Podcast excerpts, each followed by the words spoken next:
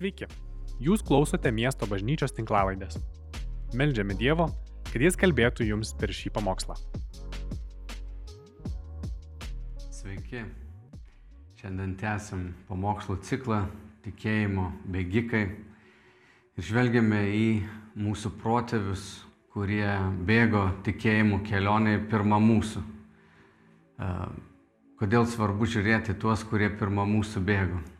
Nes jie yra mums pavyzdys ir per keletą tūkstantmečių jie yra mums pavyzdžiai, kurie formuoja mūsų elgesį, mūsų įsitikinimus, mūsų tikėjimą. Ir šiandieną noriu su jumis pažiūrėti į Abromo gyvenimą. Abromas yra vadinamas mūsų tikėjimo tėvas. Tai yra didis žmogus, iš tiesų taut, žydų tautojas yra na, pirmasis toks tėvas, kurį Dievas išsirinko ir iš jo prikėlė visą tautą. Ką mes šiandien žinom kaip Izraelį, tai visi yra kilę iš Abromo, jis buvo tas pirmasis žmogus ir jo žmona Sara, per, kuri, per kuriuos Dievas pašaukė savo tautą.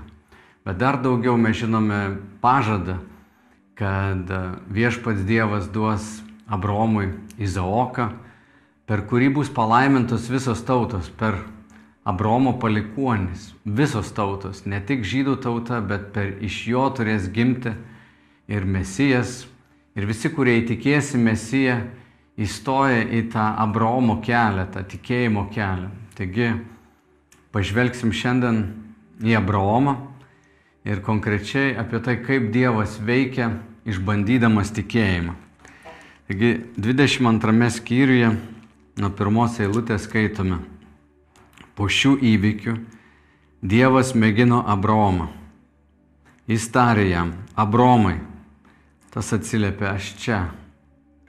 Tada jis tarė, imk Izaoką, savo vienintelį sūnų, kurį myli, ir eik į Morijo šalį, ten aukok jį kaip deginamąją auką ant kalno, kurį tau parodysiu.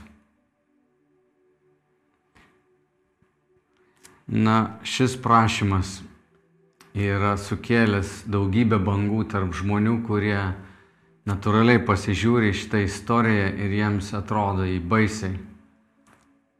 Koks gali būti Dievas, kuris prašo paukoti sūnų, nužudyti sūnų, visiškai beprasmiška. O čia pasakyta, kad Dievas mėgino Abraomą. Koks čia buvo tas išbandymas? Kuo Dievas mėgino Abraomą? Ką Dievas norėjo pamatyti jame? Nes iš vienos pusės galiu užduoti klausimą apskritai, kaip Dievas gali mėginti žmogų. Dievas viską žino.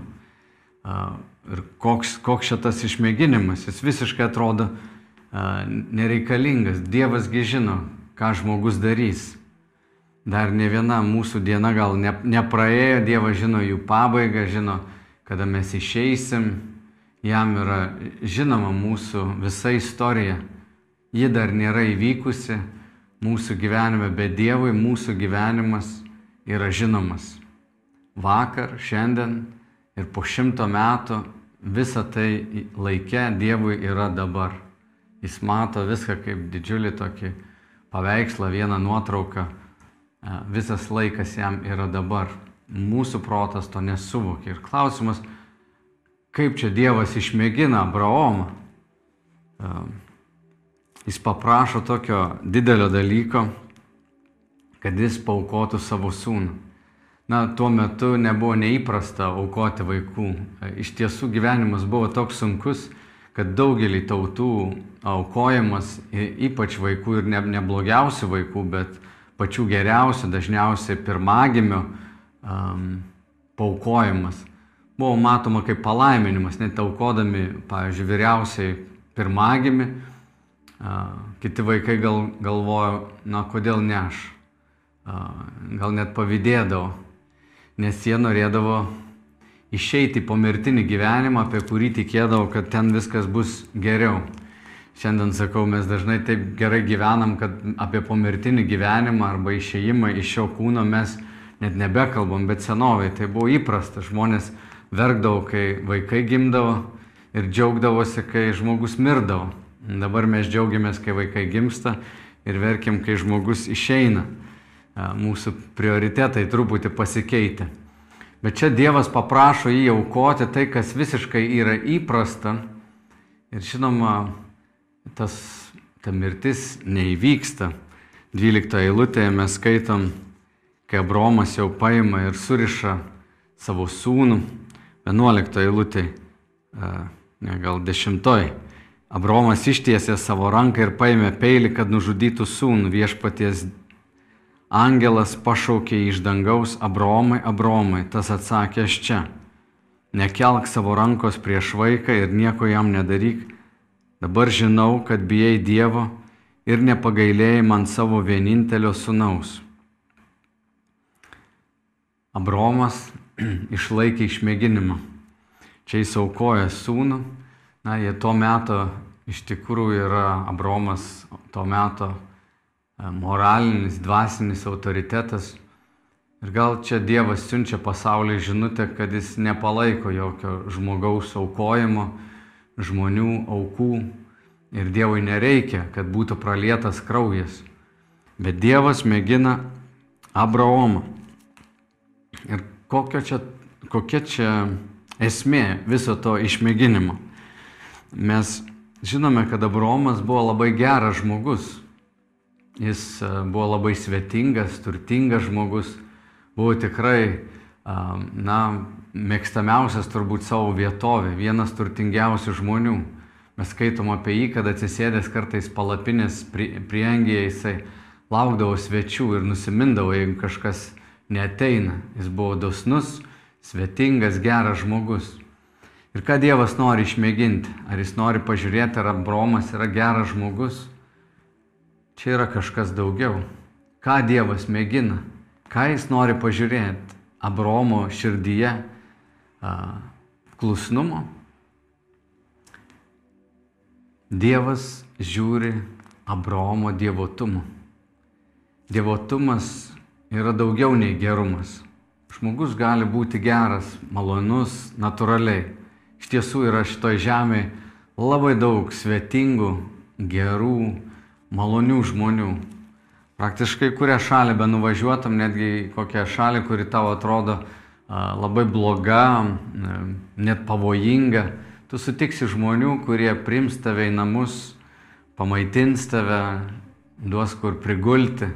Šitoje žemėje pilna nuostabių gerų žmonių. Bet devotumas yra kažkas kita. Dievotumas yra ta savybė, kai žmogus klausosi Dievo ir nori paklusti jam.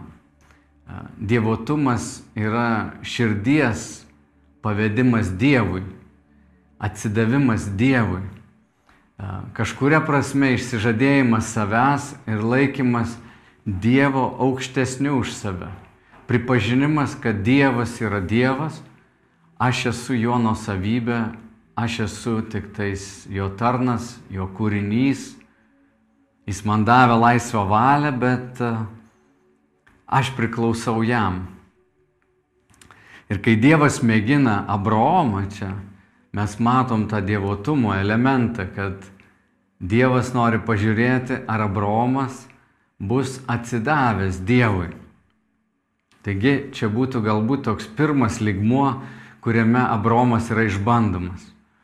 Dievas pasižiūri į Abraomą, ar jis paklus, ar jis laikys Dievo žodžius aukščiau, na, savo nuomonės. Juk jeigu jis mąstytų natūraliai, jis sakytų, Dieve palauk, ką tu čia pasakėjai? Tu turi omeny man surišti savo sūnų, štėt ant aukuro papjauti jį kaip gyvulį, paukoti tau, nesuprantu. Visiškai nesuprantama, kas, kas čia, koks čia tas tavo kelias. Aš pastebėjau, kad tikėjimo kelionė, tai ką mes matom čia Abraomo gyvenime, natūralus žmogus tikrai negali įvertinti ir suprasti, santykio su Dievu, kuris yra angamtiškas, jis yra virš mūsų supratimų. Ir dvasiniam gyvenime ta kelionė skiriasi. Dvasinis žmogus, jis gali spręsti apie viską. Sielinis žmogus arba kūniškas žmogus, jisai pasveria naudas. Ar verta būtų sekti Dievu, ar verta būtų paklusti Dievui. Jis viską pasvers, paskaičiuos natūraliam savo gyvenime, savo aplinkoje, pasilygins gal su kitais žmonėmis, bet dievotumas arba dvasiniai dalykai, jie jau yra kitam ligmenį. Ten yra širdies gelmės reikalai. Ir yra dalykai, kurių galbūt natūralus protas net negali iki galo suprasti. Gebromas paima tą sūnų, išeina su jaunuoliais, sūnus net nežino, eidamas į tą aukojimo vietą, jisai sako, tėve, štai malkos, ugnis, o kur avinėlis deginamai aukai. Ir Bromas sako, viešpats parūpins, viešpats duos. Tarp kitko, kai įsivaizduoju va, tą Izaoko ir Abromo kelionę, Izaokui tuo metu buvo apie 37 metai. Jis nebuvo toks kūdikis, kurį galėtum už rankos paimti, ten lengvai nuvesti. Ir jis nežino. Aš galvoju, tarp jų tikrai buvo daug įtampos. Jeigu mes galvojam, kad čia taip per kelias eilutes perskaitė, kad Abromui viskas buvo suprantama, uh, suprantama turiu menį, kad tas pokalbis jam toks turėjo būti kažkoks paprastas, gal ir lengvas. Tai jokių būdų, net jeigu natūraliai jis mąstytų, aš manau, kad jo emocijos pasi, jį, jį supainiotų, aš manau, kad jo protas pasimestų. Bet jis išgirdęs Dievą, kuris jį pašaukė, kai jam buvo 75 ir sako, Abromai, išeik iš savo namų, aš, padary, aš padarysiu tave didelę tautą ir palaiminsiu. Abromas patikėjo Dievu ir tai jam buvo įskaityta teisumu. Abromo širdis buvo pasiruošusi tikėti Dievu jis išgirdo Dievą ir čia įdomu, kad jis net nekvestionuoja Dievo tų žodžių, jis nesako, Dieve, gal tu apsirikai, ar iš tikrųjų tu tai turėjai omeny. Jis išgirdo, manau, suprato, kas turi būti ir čia turėjo pasirinkimą. Vienas va, devotumo elementas yra, kad jis turi Dievą laikyti prioritetu, bet įsijungia ir antrasis tas išbandymas kai jis išgirsta Dievo žodžius, kad jis turi paukoti savo sūnų, čia pat, manau, jo prote kyla ir kita mintis. Aš tau duosiu sūnų, per kurį bus palaiminti kiti. Aš iš tavęs, Abromai, padarysiu didelę tautą. Taigi čia Abromo prote turėjo įsijungti ir tikėjimas. Ir tai yra, na, Dar kitas išbandymas. Jeigu sakytum, kas čia buvo bandoma, jo tik tais klusnumas, tai iš tikrųjų buvo bandomas ir jo tikėjimas. Štai Hebrajams laiške apie Abromą yra pasakyta taip. Tikėjimu Abromas aukojo Izaoką, kai buvo mėginamas. Jis, kuris buvo gavęs pažadą, aukojo savo viengimi sūnų apie kurį buvo pasakyta, iš Azaoko bus pašaukti tavo palikonis. Jis suprato, kad Dievas gali prikelti net iš mirties ir atgavo sūnų tarytum iš numirusių. Tai čia turim žvilgsnį į Abromo vidinį tą gyvenimą, kad Abromas, eidamas paukoti savo sūnų, um, tikėjo Dievu. Jis patikėjo, kad šita auka, jeigu jis paukos savo sūnų, kažkokiu būdu Dievas jį prikels iš numirusių, kažką padarys, kas yra visiškai neįmanoma, jis to nebuvo matęs, nebuvo to girdėjęs, kaip gali paukotas žmogus vėl atgyti. Ir čia yra ta tikėjimo gelmė.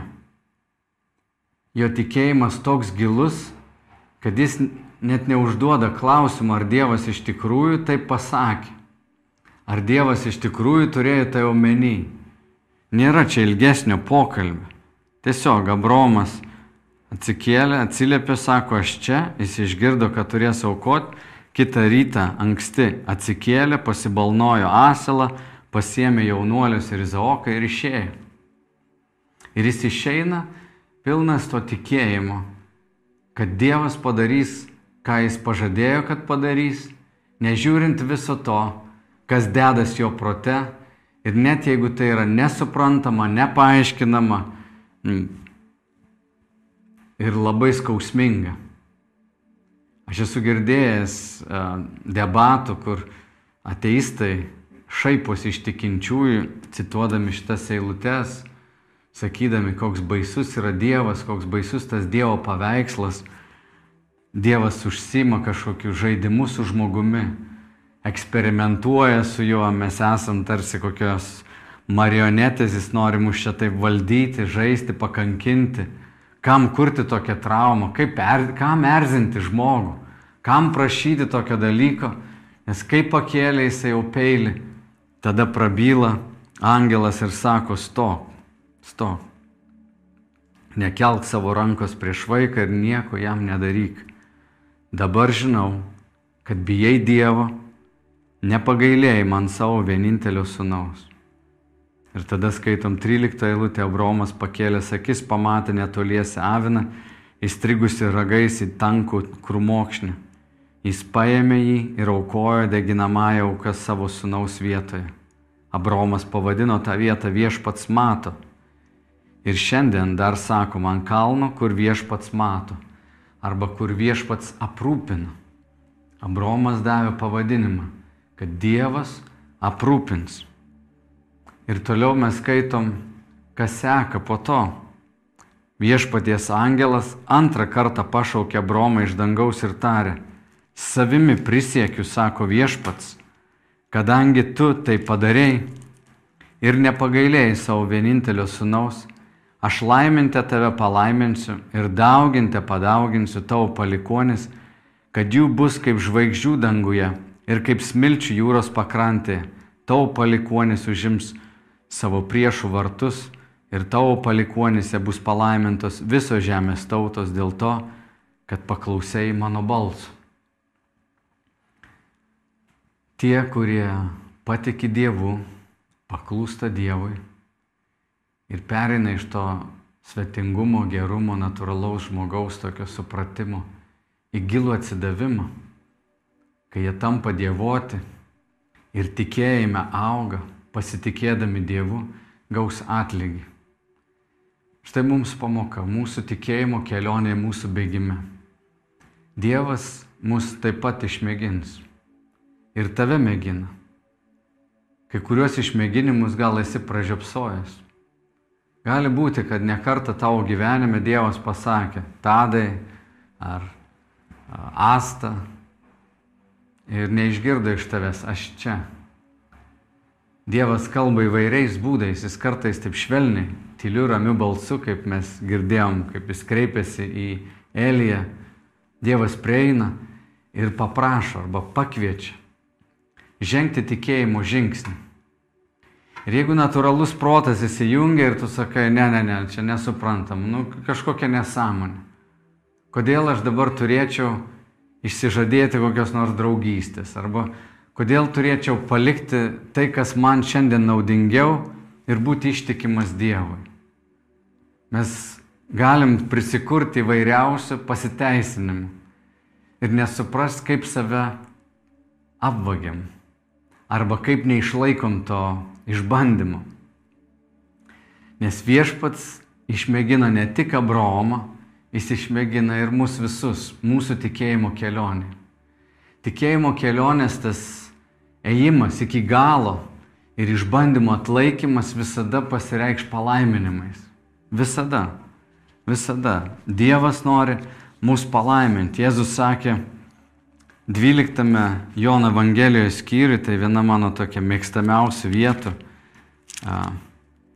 paradoksalų žodžiai iš tiesų kiekvienam tikinčiam. 12 skyriui 24 eilutė sako, iš tiesų, iš tiesų sakau jums, jei kviečio grūdas nekris į žemę ir nenumirs, jis pasiliks vienas, o jei numirs, jis duos gausių vaisių. Kas myli savo gyvybę, ją praras, o kas nekenčia savo gyvybės šiame pasaulyje, išsaugos ją amžinajam gyvenimui. Kas man tarnauja, tegul seka paskui mane. Ir kur aš esu, ten bus ir mano tarnas. Kas man tarnauja, tą pagerbs mano tėvas. Štai kiti Jėzaus žodžiai. Jėzus prašo žmonės sekti juo ir nebranginti savo gyvybę šiame pasaulyje. Atsisakyti patogaus gyvenimo galbūt, pripažinimo, nedaryti kompromisų su sąžinė, nebūti šiaip gerų žmogum, bet tapti dievotų žmogum ir gal dar svarbiau - tikėjimo žmogum. Nes be tikėjimo neįmanoma patikti Dievui. O tie, kurie tiki, turi tikėti, kad Dievas yra ir kad Jis atlygina uoliai jo ieškantiems. Taigi mūsų tikėjimo kelionė, mūsų bėgimas yra tikra privilegija. Jeigu Jėzus tave pakvietė, tu išgirdai jo balsą, jis tave išsirinko, tai tu esi palaimintas žmogus. Ir jeigu Jėzus prašo tave kažką daryti arba išmėgina tavo tikėjimą, nepadaryk klaidos įsijungęs savo natūralų protą. Nebūk tas, kuris nubėgs pas kaimyną pasitarti, o ką man reiktų daryti. Būk tikėjimo žmogus. Sek tikėjimu tų, kurių gyvenimo vaisiai yra geri. Jeigu bėgsi pasitart, bėg pas tokį. Bet dažnai mūsų sąžinė liudyja, ką mes turėtumėm daryti. Ir būti klusnus, kad paklustumėm jam ir turėtumėm palaiminimą. Kiekvienas, kas atsisakys savo gyvybės, jis išsaugos jam žinajam gyvenimui. Ir visi, kurie nori sekti paskui Jėzų, turi būti ten, kur jis yra. Taigi mes esam pašaukti ne šiaip bėgti per gyvenimą, bet sekti Jėzumi. Ir klausimą, kurį šventoji dvasia užduoda tau ir man, ar tu seksi manimi, ar tu seksi kur eina šis pasaulis. Nes mūsų natūralus protas, mūsų sielinis protas mus paklaidins. Tikėjimo protas yra kitoks. Jis tiki pažadais. Abromas žinojo, ką Dievas pasakė, tą jis ir išpildys. Tu gali sakyti, žinai, man Dievas nieko nesakė, aš nieko negirdėjau, nieko iš manęs neprašė. Ar esi tuo tikras?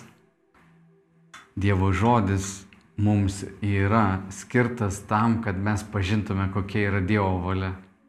Kai tu prieini prie Biblijos, pradedi ją skaityti, šventoji dvasia prabyla ir pasako, kur tu turėtum eiti, ką tu turėtum daryti. Kai kurie žmonės dėl to bijo skaityti šventąjį raštą, nes jis įtikina, jis apkaltina, jisai nukreipia, jisai pakviečia. Tai yra paties Dievo dvasia kuri per tą žodį bendrauja su mumis. Ir aš tiesiog noriu tave labai drąsinti, kad tu prieitum prie Dievo žodžio su nuolankė širdimi. Nes, ką Jėzus sakė, visi, kurie bandys išsaugoti savo gyvybę, galiausiai ją praras. Todėl turi pažiūrėti tokiomis akimis, o ko tu norėtum po šimto metų, kaip tu norėtum būti pasitiktas danguje. Kaip tu norėtum nugyventi, kokį palikimą norėtum palikti po savęs, tikėjimo palikimą. Nes gali sudėti visas viltis, susikrauti daug turtų pensijai, sakyti, kaip fainam, mano siela džiaugis.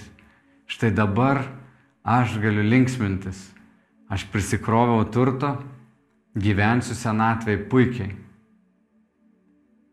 O šventoji dvasia atėjus gali pasakyti, pradėk dalinti savo turtą kad numirtum neturėdamas nieko, bet būdamas turtingas pas Dievą. Ir jeigu tai yra šventosios dvasios kvietimas tau, tai žiūrėk, kiek džiaugsmo tu gali atrasti, pasėdamas tai, ką uždirbai,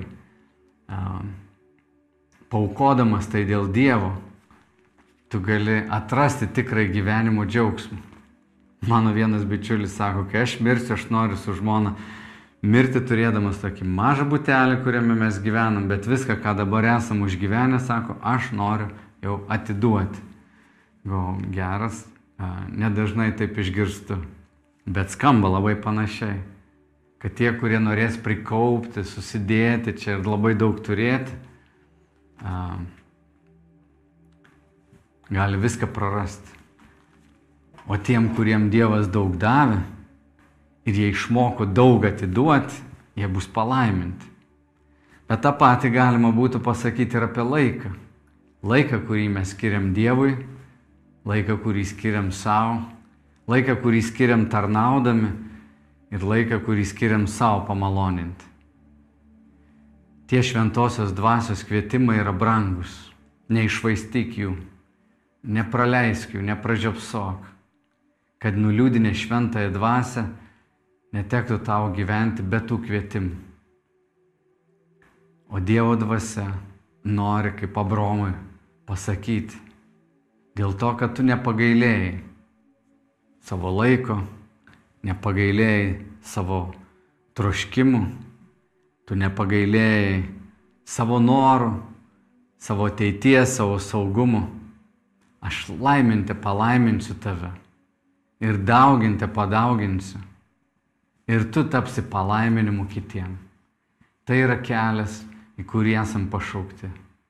Ir jeigu tau atrodo, kad tu vienintelis toks, kuriam Dievas uždeda tokius prašymus arba naštas, tai ne, Dievas neprašo, ko pats nepadarė. Mums pavyzdys yra pats mūsų viešpats Jėzus Kristus. Jis paukojo savo gyvybę. Abromas aukojo savo sūnų Ir dangiškas tėvas aukojo savo sūnų, kad mes būtume išteisinti, kad mums būtų atleista. Ir tai yra Dievo malonė, kuri jau mums suteikta. Mums nebereikia užsitarnauti jo palankumą. Jis tiek daug meilės mums parodė, paukodamas savo sūnų. Ir tikrai nėra per daug, kai Dievas paprašo iš mūsų kažko. Mes tik amžinybėj pamatysim, kokie vargšai ir kokie, kaip liaudis sako, skupi buvom, kiek pagailėjom savo laiko ir galimybių, kurias galėjom atiduoti viešpačiu. Taigi aš kviečiu tave pasimelsti, kad tavo širdis būtų įkvėpta, būti ne tik gerų žmogum, bet tapti dievotų žmogum ir tikėjimų žmogum. Šventoji dvasia, mes meldžiam. Esam per silpni, mūsų natūralus protas sielinis žmogus dažnai priešinasi tam, kur tu mus kvieti. Gal dėl to viešpatė tu taip ir ragini ir sakai to žodžius ir jie mums atrodo kieti. Bet meldžiu viešpatė, kad tu duotų mums drąsos gyventi nemylinčio pasaulio, bet mylint tave, klausyti tavęs, būti dievotais, kad galėtumėm tapti palaiminimu ir kitiems. Kristau pašventink kiekvieną, kuris klausosi tavo žodžio ir jį vykdo. Amen. Ačiū, kad klausėte. Daugiau informacijos rasite mūsų svetainėje miestobažnyčia.lt arba Facebook, Instagram ir YouTube paskiruose.